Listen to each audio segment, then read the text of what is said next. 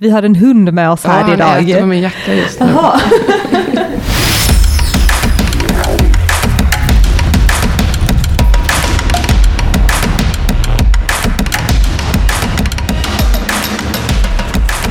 Boom!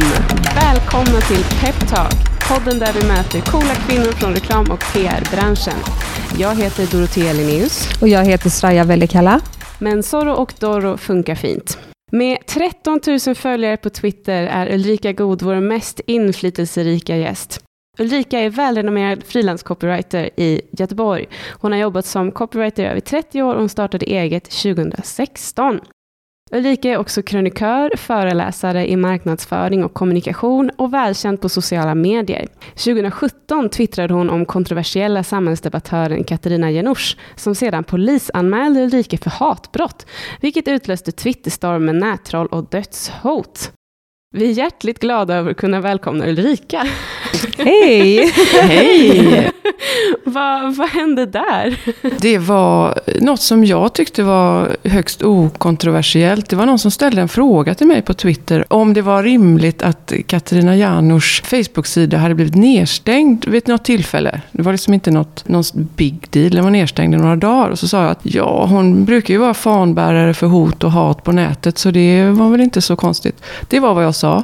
Sen så var det någon som, den personen som frågade, antar jag, som dumpade det där och så hamnade det på ett av Sveriges vidrigaste konton som heter Gang Rape Sweden. Med min, eh, min adress och eh, någonting om att jag var våldtäktsförnekare. Och eh, Nej, sen så blev det en cirkus av Guds nåde. Så på något sätt så var jag väl en, en trigger för att eh, fånga ett korn och göra en jättestor eh, veteåker av det.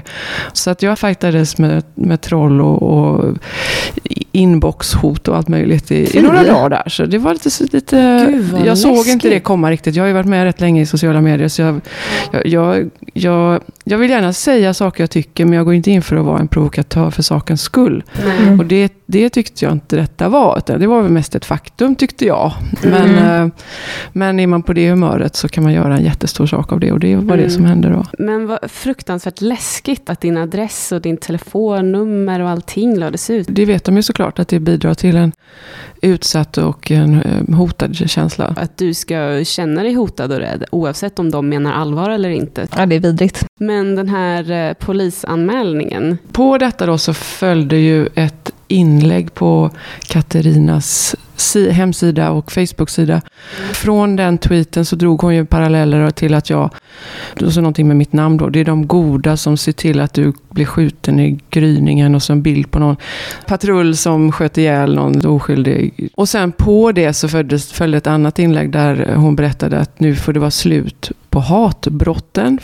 Så att nu har jag gått till polisen och polisanmält bland annat mig och Minna Dennert som har startat Jag är här-rörelsen, om ni känner till den. Men sen har jag, ju- jag har ju inte hört något från någon polis, så antingen så Nej. viftade de bort det. De har annat för och så sig. var det, antingen har de annat för sig, eller så var det bara snicksnack. Jag vet ja, inte. Och det var ju ändå kanske tre månader sedan eller någonting. hade det varit ett riktigt brott du hade begått, då hade det ju, du fått höra någonting om det det Ja, laget. och sen kan man ju säga att eh, och i relation till vad jag fick utstå och vad som skrevs om mig, Ja, nej. så var det ju en eh, ytterligt mild fis i rymden. Ja, men Verkligen. Det var- Det känns ju inte som att Katarina Janouch får riktigt samma hat som du har fått den här tiden. Nej, det var ju bisarrt att gå in, för det kunde, det kunde jag ju inte hålla mig från. Jag gick in och tittade på hennes sida där och se 850 kommentarer där alla säger vilket, vilket jävla as jag är. Ja, det är en värld för sig.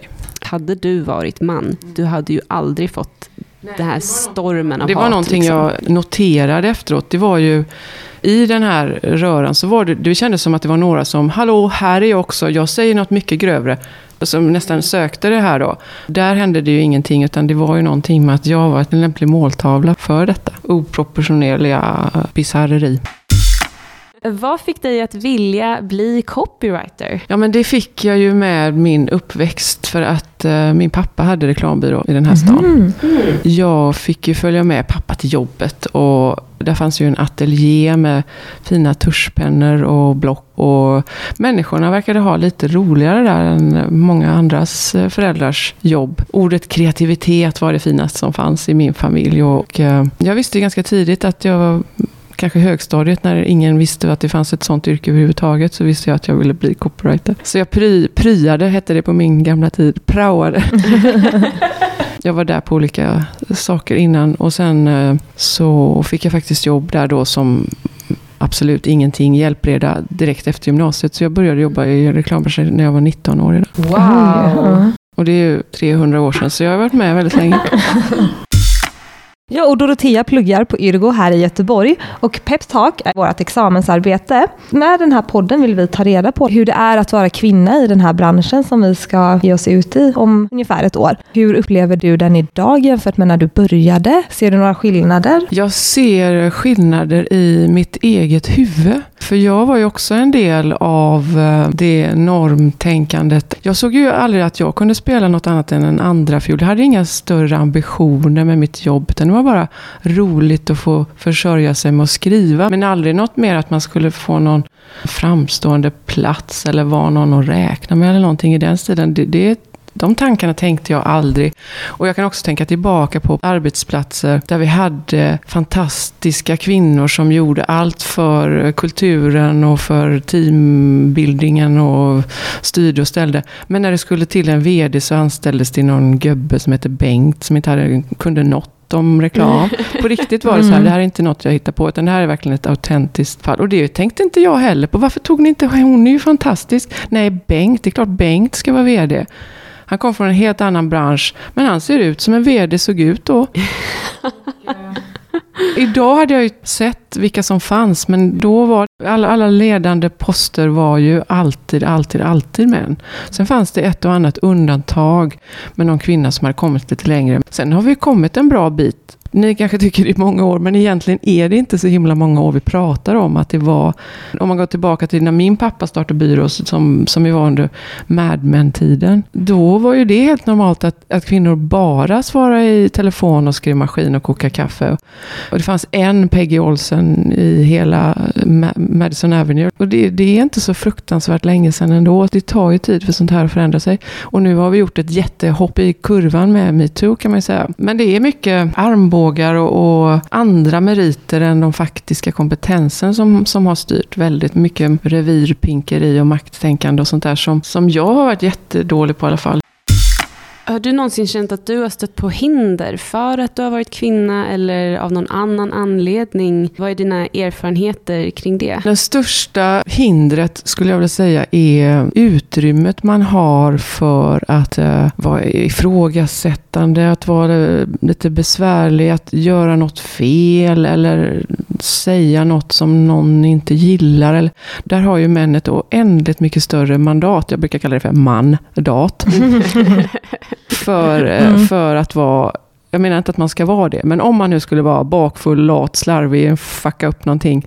Så, ja men det vet ju hur, hur Kalle är. Eh, men, men för en kvinna så är det, ja, nej men det förstår man ju att sådana här, det funkar ju inte eh, att ha en kvinna här för att eh, hon kom ju för sent en gång. Det är liksom lätt att hitta, hitta fel, för alla gör fel på något sätt. Att månen för att göra något som inte är 100% och sen kan ju det ändra sig, för att det, det, kan ju vara en fälla som slår igen. För ändrar man spelreglerna efter gången så kan det vara fel att göra i princip vad som helst. Alltså, du sa inte ifrån. Oj, det var... Nej, så kan vi ju inte ha det. Oj, du sa ifrån. Nej, men gud, det var hemskt. Liksom, det, man kan ju vända på allting. Det är ju fel att vara vad som helst. hur man än vänder och vrider på sig själv så är det alltid något som man kan hitta fel på i mm. ens beteende kanske. Det är det hora och madonna-symptomet. Mm. Mm. Sen har du åldersparametern också. Jag började ju då väldigt ung, så då var det ganska lång period av lilla stumpan och klackpappa över huvudet och, och, så vidare. Och sen så var det i alla fall då den perioden när man ofta kanske är föräldraledig och vabbar och, och hämtar dagis och allt det där. Då är man lagom gammal. Och sen swish så, oj nu är man för gammal. Mm. så att äh, åldern är också en, en issue där. att äh, det är svårt att vara mitt i prick. Jag, jag känner att jag missade den perioden helt rätt tror jag. En cool kvinna som gick mot normen var Jean Wade Rindlaub. Hon var en av de första kvinnorna att bli verkställande direktör på en reklambyrå. Jean föddes 1904 i Lancaster, Pennsylvania.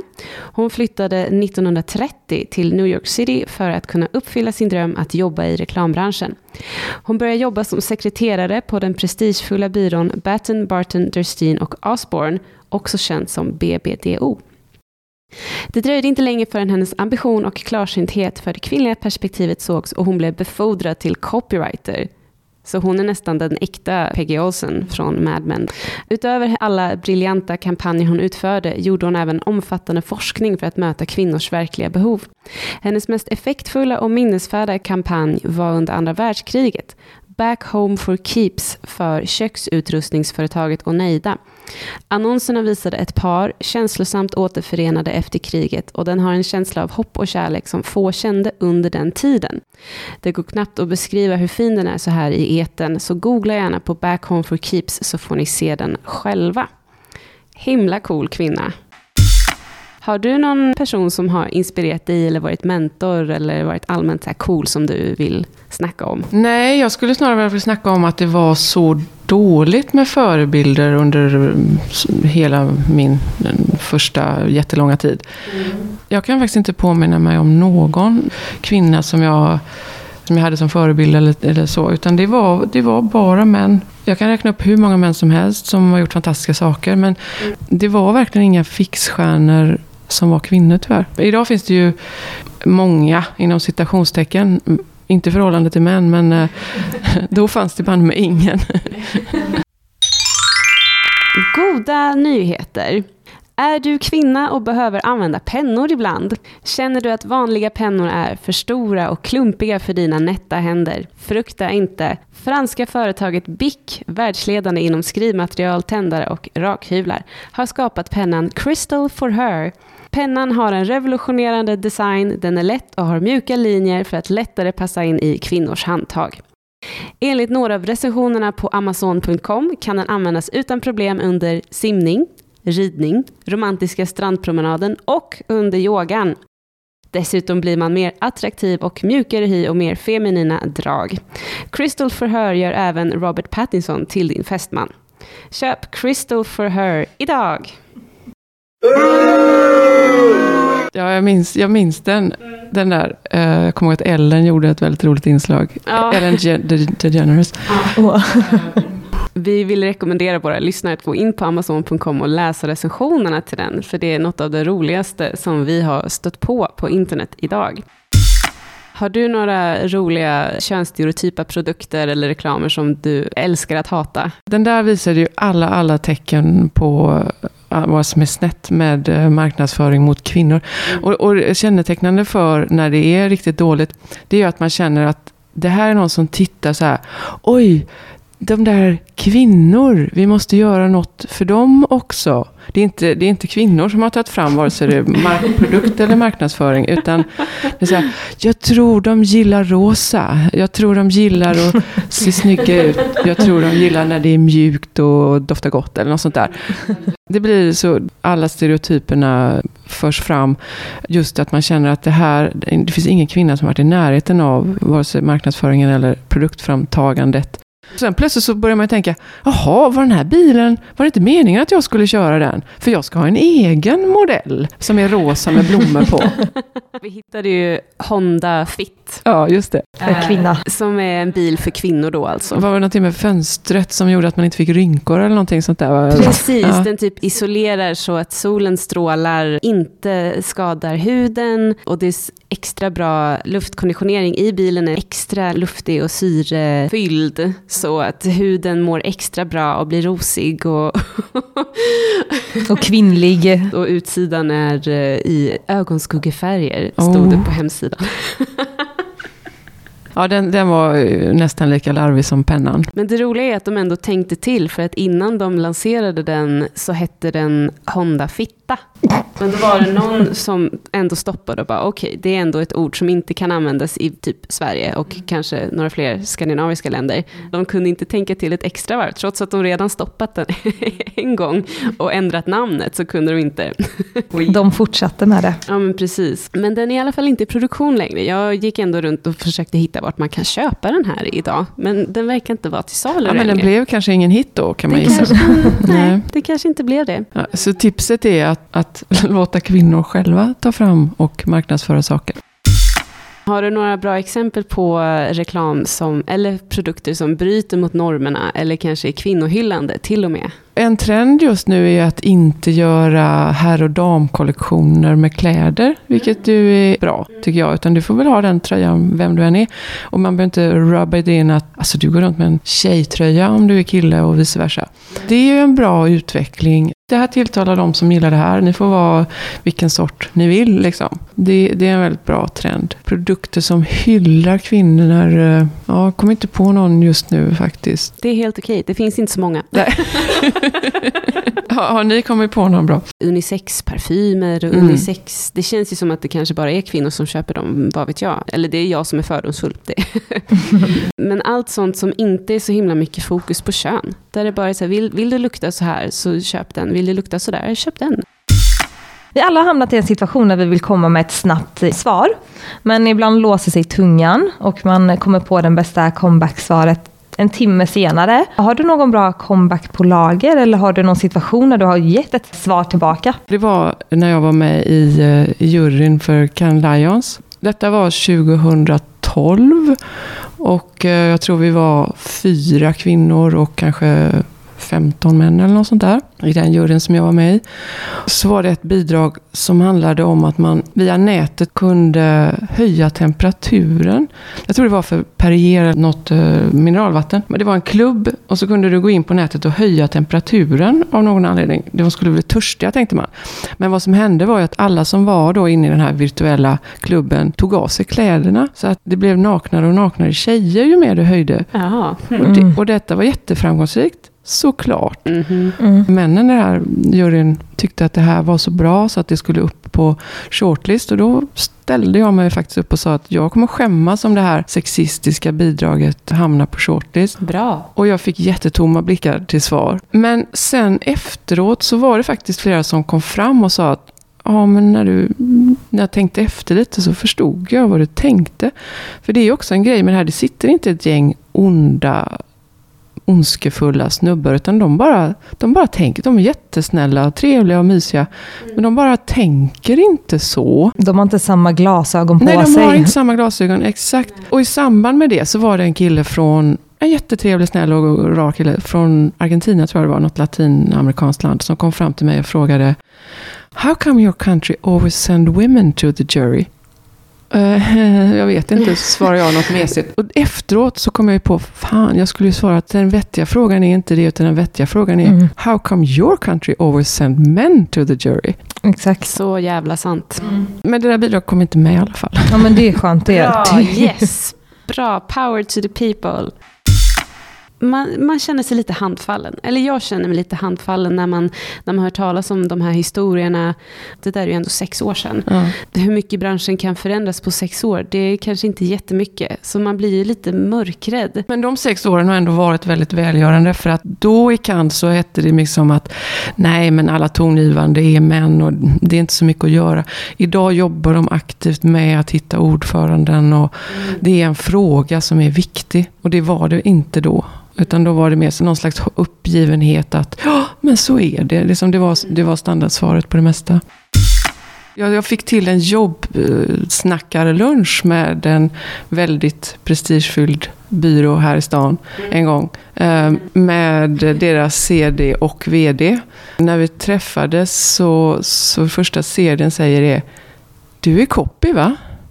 Ja, och sen nästa fråga är du är gift med någon som är något Va? Och då kände jag så här, åh, åh vad ointresserad. Han, han, någon har sagt åt honom att gå hit och det är någon brud som man ska snacka med. Men jag vet inte vem det är och jag bryr mig inte heller. Och vdn satt mer eller mindre och sov under den här lunchen. Men fy. Fan. Jag har inte orkat ta reda på vad du jobbar med.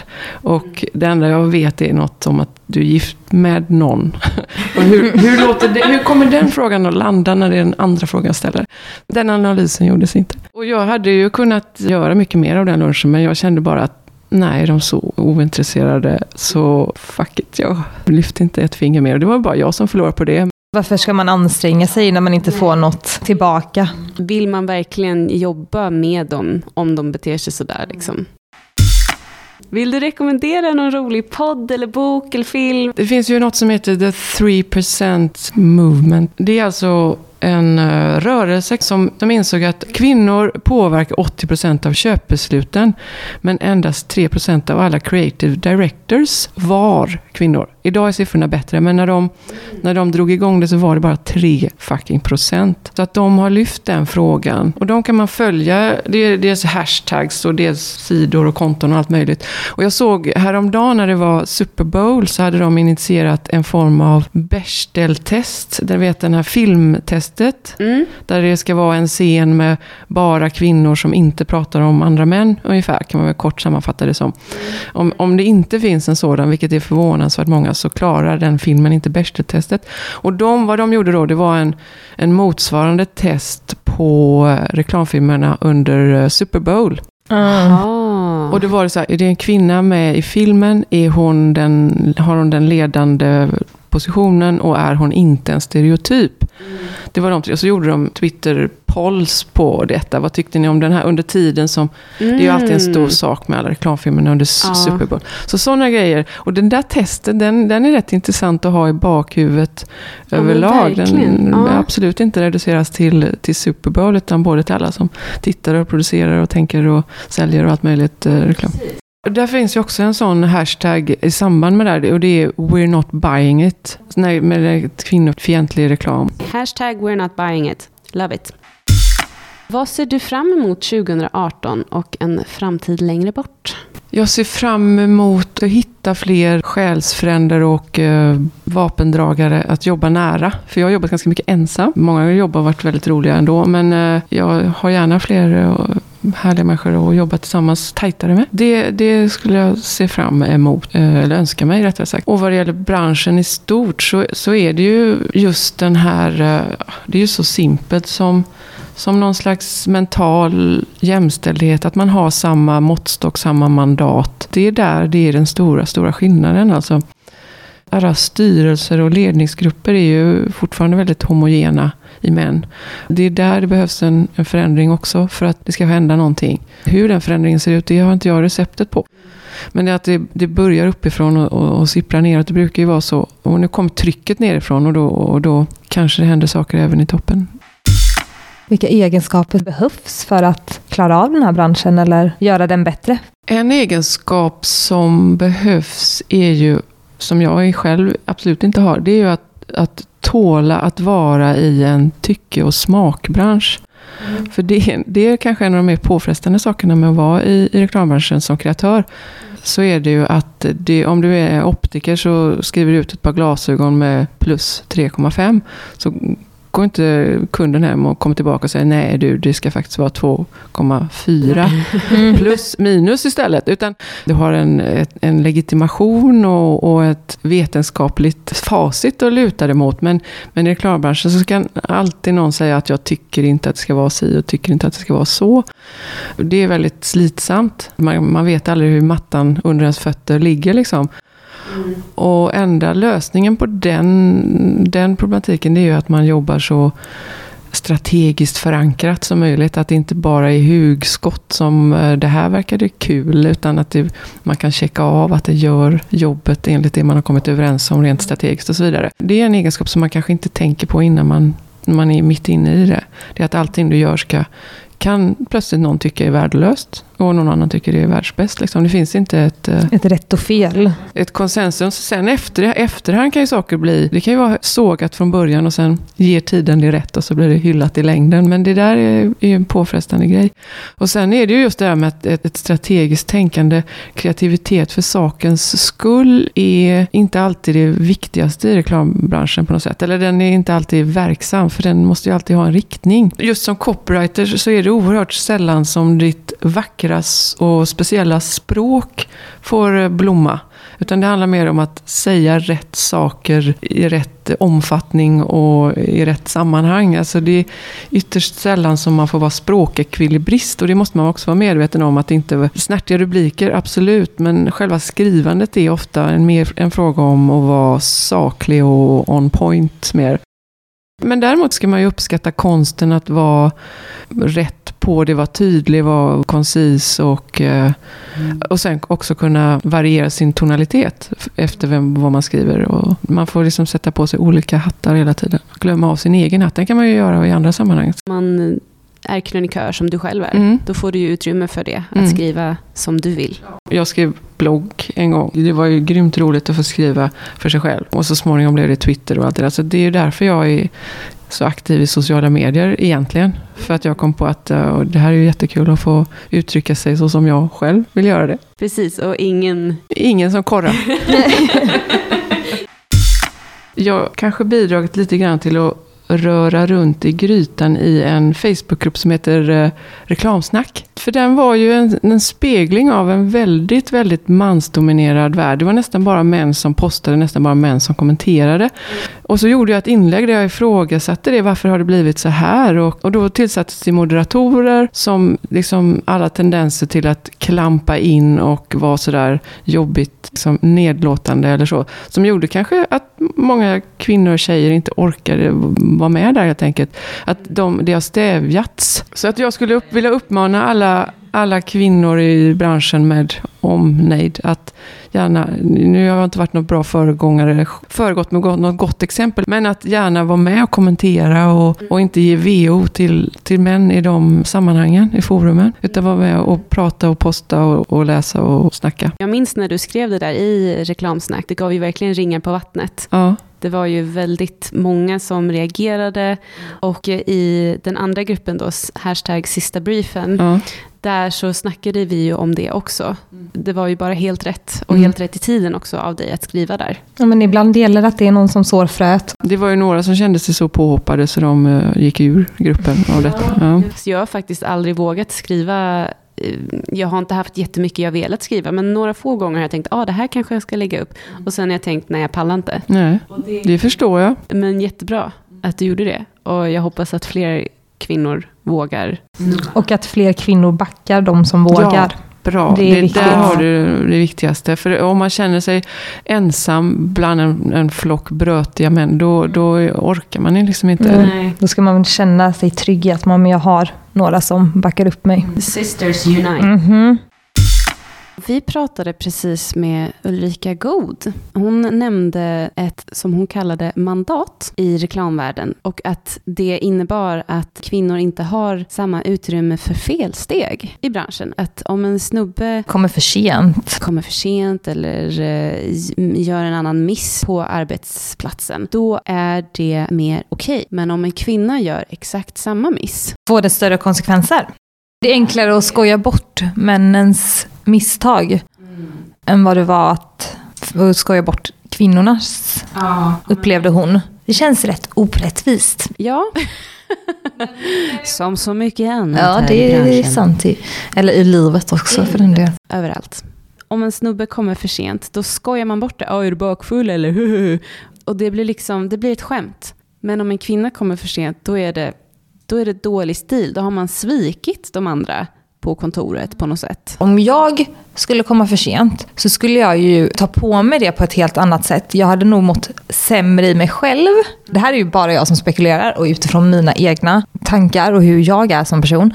Men jag, hade nog, jag har väldigt svårt att borsta av mig sådana saker också. Om jag gör någonting fel eller någonting så kan jag, det kan gnaga i mitt huvud hur länge som helst. Och jag vet inte, är det så att män kanske har enklare att skaka av sig sina misstag. Jaha, men det var ingenting. Ja, och så har de glömt det. Medan mm, mm. jag är mer en sån som ältar saker hundra gånger om. Jag kan känna igen det där.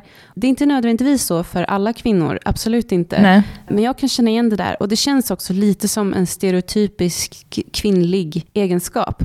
Att om man har gjort fel, då får man väldigt dåligt samvete och vi försöker liksom fixa situationen. Men min erfarenhet är att men utsätts inte riktigt för den pressen. Att de inte har det tänket, oj nu blev det fel, hoppsan, och så går de vidare med sina liv. Om det är en snubbe som kommer för sent och så får han väldigt dåligt samvete för det, men det är ingen annan som klankar på honom för det, utan alla bara oj oj, hoppsan hejsan, att det blir liksom, ja ja, men han är väl trött, ja ja, men han har precis fått tvillingar, eller ja ja, han har ditten och datten. Man hittar ursäkter mycket lättare för de här kararna. Jag vet inte om det är för att det i allmänhet är mer förväntningar på att kvinnor ska klara av allting. I USA pratar man ju ofta om she has it all. Och det innebär i praktiken, hon har ett välbetalt jobb, hon har flera barn som hon tar hand om och har ett trevligt, bra äktenskap. Att man ska ha allt. Men det blir så himla skumt för att då blir det också att då är det kvinnan som har barnet på något sätt och det ligger på kvinnans ansvar att ta hand om barnen, att se till att äktenskapet mår bra och att hon hinner med sitt arbete. Det är aldrig någon som säger till en man, åh, han har allt. När han har ett jobb och familj, då är det bara liksom standard på något sätt. För att det, han förväntas hinna med det för att det är alltid någon annan som kan ta hand om barnen och kan ta hand om hemmet. Det är liksom, han behöver bara fokusera på jobbet egentligen. Kvinnor måste ta sin plats igen typ. Och kvinnor förväntas klara av väldigt mycket mer. Det finns ju alltid det här, ja men en kvinna kan alltid göra två saker samtidigt. Och de mm. gångerna det inte går att göra det, så misslyckad. Och man har misslyckats. Jag får höra det så många gånger av kunder på jobbet att ah, men du är ju kvinna, du ska ju klara av att göra två saker samtidigt. Mm. Bara, nej, jag är människa och jag är inte så himla kapabel att göra två saker samtidigt för att då går min hjärna sönder. Ja. Stort tack till Ulrika God för att du kom. Tack för att jag fick komma hit. Vi vill också tacka Stendals för att vi får låna deras lokaler och utrustning. Stort tack till Christer Hedberg för att du är så himla bäst och hjälper oss när vi panikar. Tack till vår handledare Johan Rask för alla kloka ord och stort tack till Kristina Sandell, programansvarig på Yrgo i Göteborg, där vi alltså pluggar till copywriters på programmet Copywriters och AD. Tack så hemskt mycket till alla lyssnare för att ni har varit med oss. Musiken är skriven av Leia Minou. Tills nästa gång vi hörs, ha det fint! Boom! Pep talk, pep talk, pep talk. You can do it, I know you can.